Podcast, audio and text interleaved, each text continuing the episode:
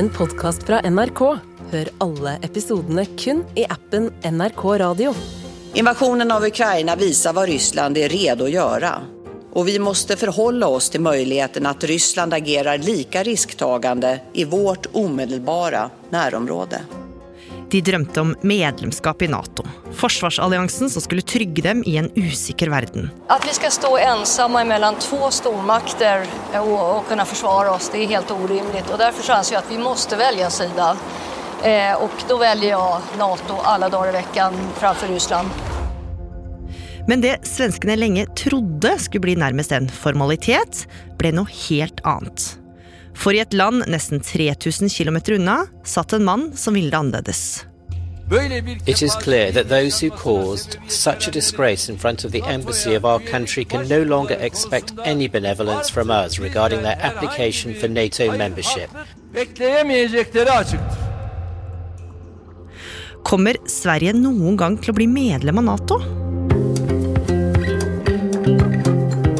Du hører på Oppdatert. Jeg heter Gry Baby.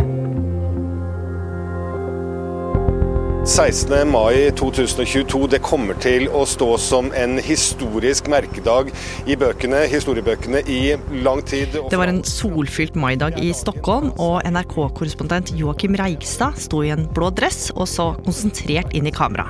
For svenskene de hadde akkurat tatt et drastisk valg, et valg som bare noen måneder tidligere hadde vært helt utenkelig. At man skal gå inn i forsvarsalliansen Nato, og det er lite motstand blant eh, politikerne å spore nå.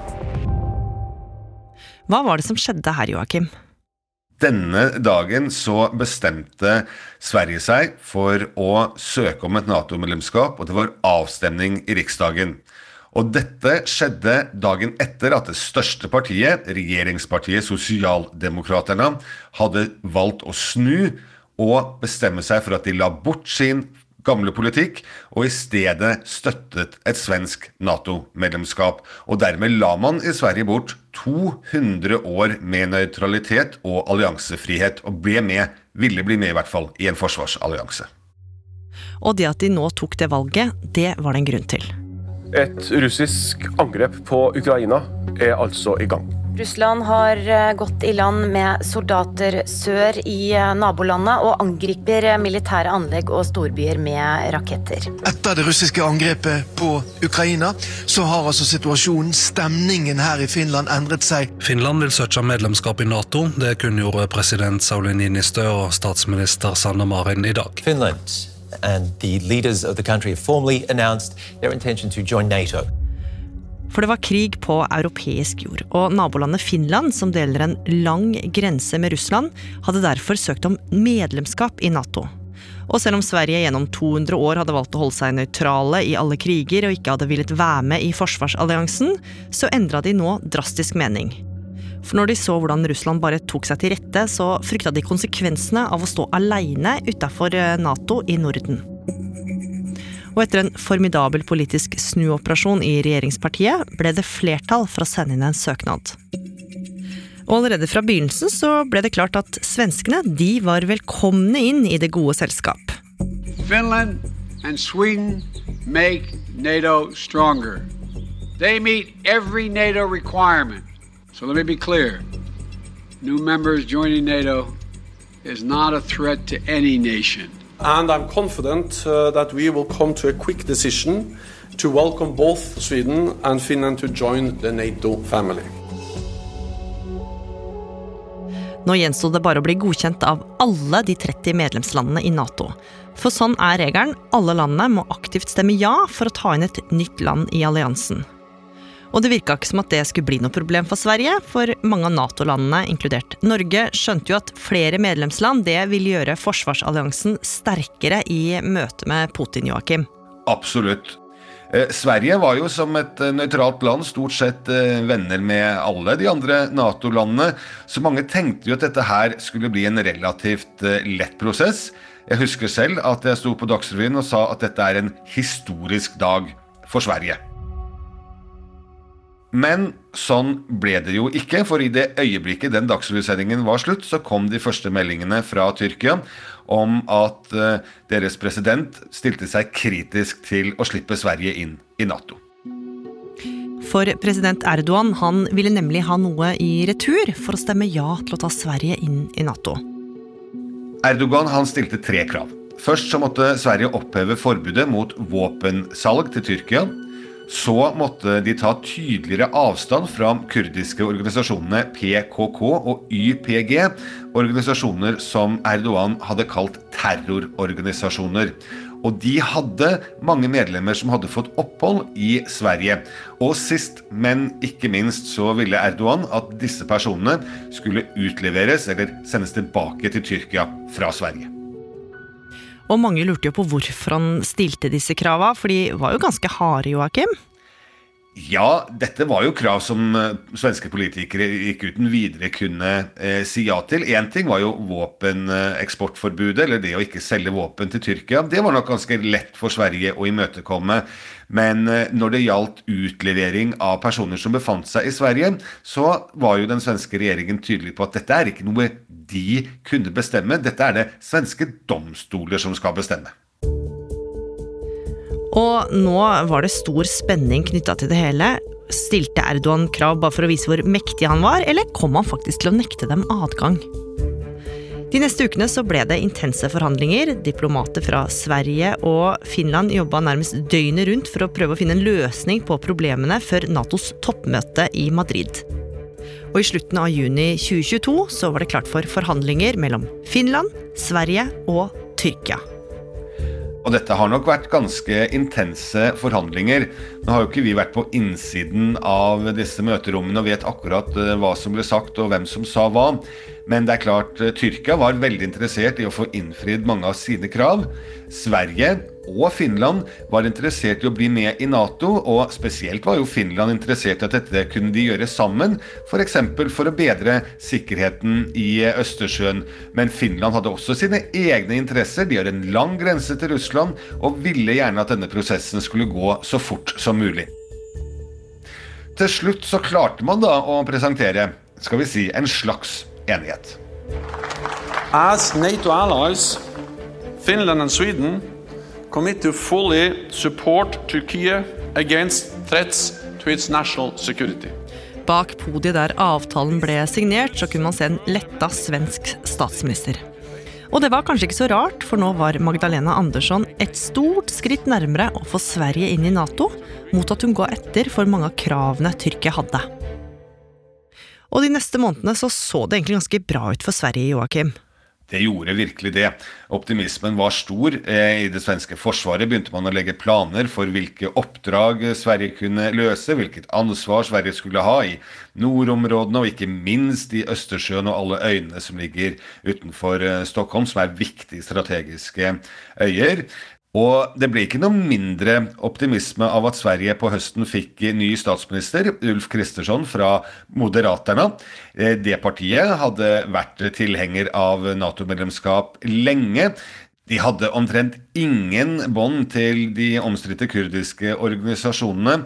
Sånn at rundt jul så, så dette her ut til å gå straka veien rett inn i Nato for Sverige. Den nye statsministeren, Ulf Kristersson, reiste på flere møter med Erdogan, og ting så ut til å gå bra.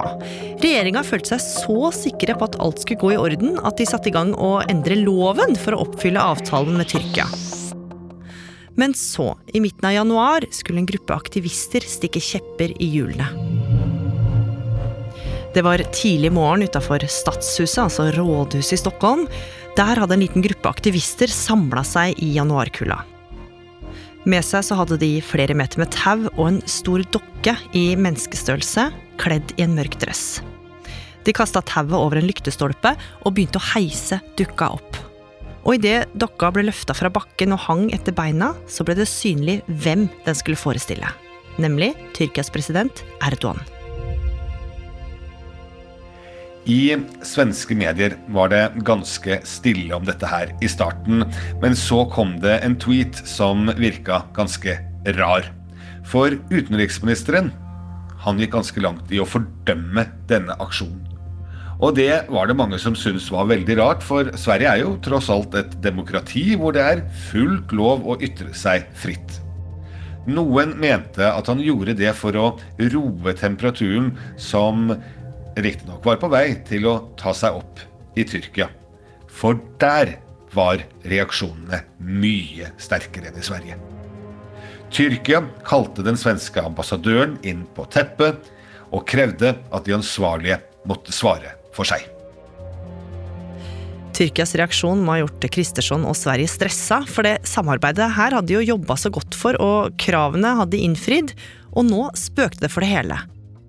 Så i et forsøk på å snakke sammen og roe gemyttene, sendte Kristersson sin egen forsvarsminister på tur til Tyrkias hovedstad.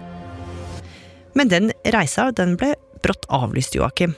Det ble den, for tyrkerne hadde fått høre om en annen planlagt markering i Stockholm. Denne gangen organisert av den kontroversielle politiske aktivisten Rasmus Paludan.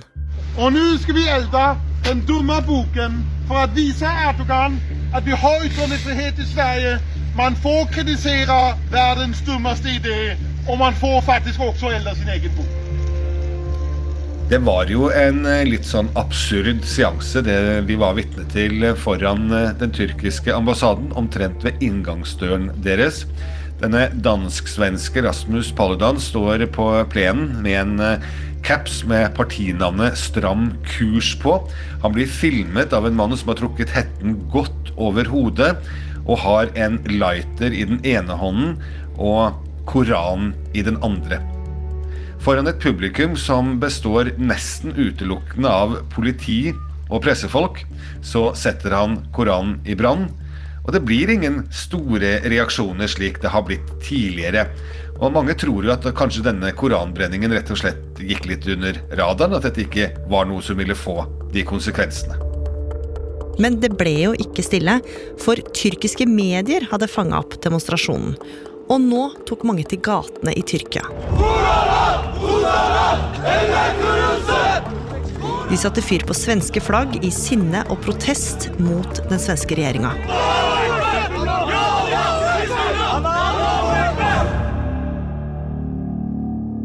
For Kristersson ble stuntet nok en stor hodepine. Og for Erdogan hadde begeret rent over.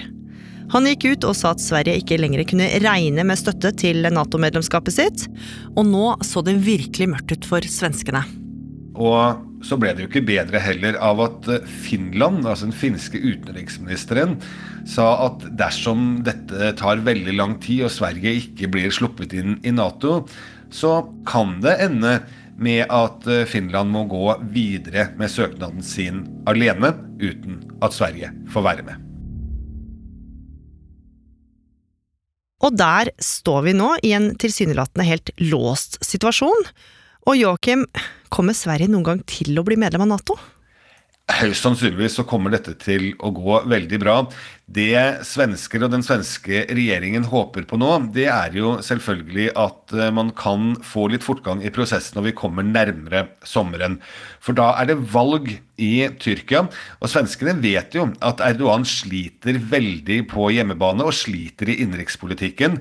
Og Derfor så bruker Erdogan dette til å vise at han kan markere seg som en internasjonal leder. Og det har faktisk allerede eh, slått litt positivt ut på meningsmålingene for presidenten.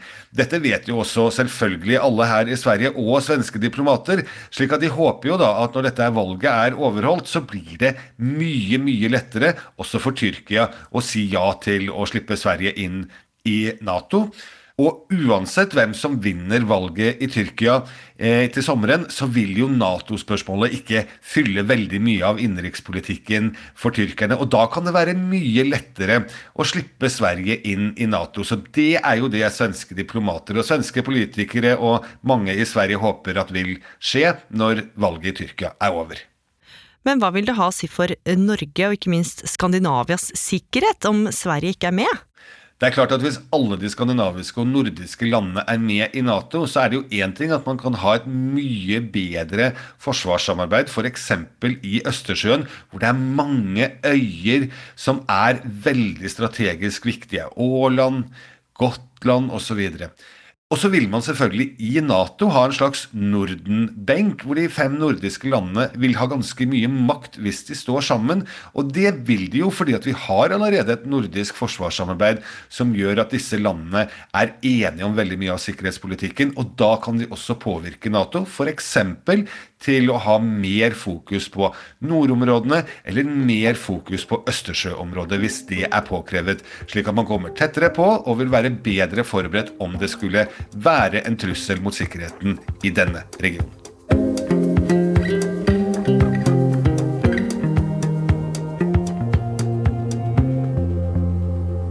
Oppdatert er en podkast fra NRK Nyheter, og denne episoden den er laga av oss.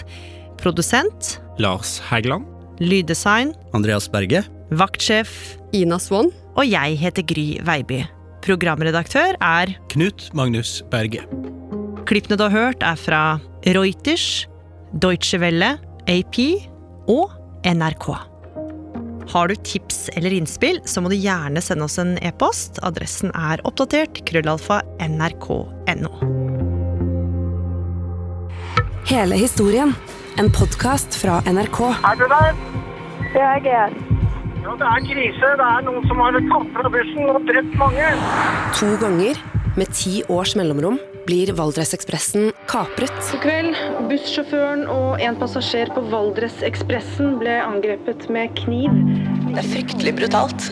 Veldig målrettet. Han hogger for å drepe. Knivdrapene på Valdresekspressen hører du i appen NRK Radio.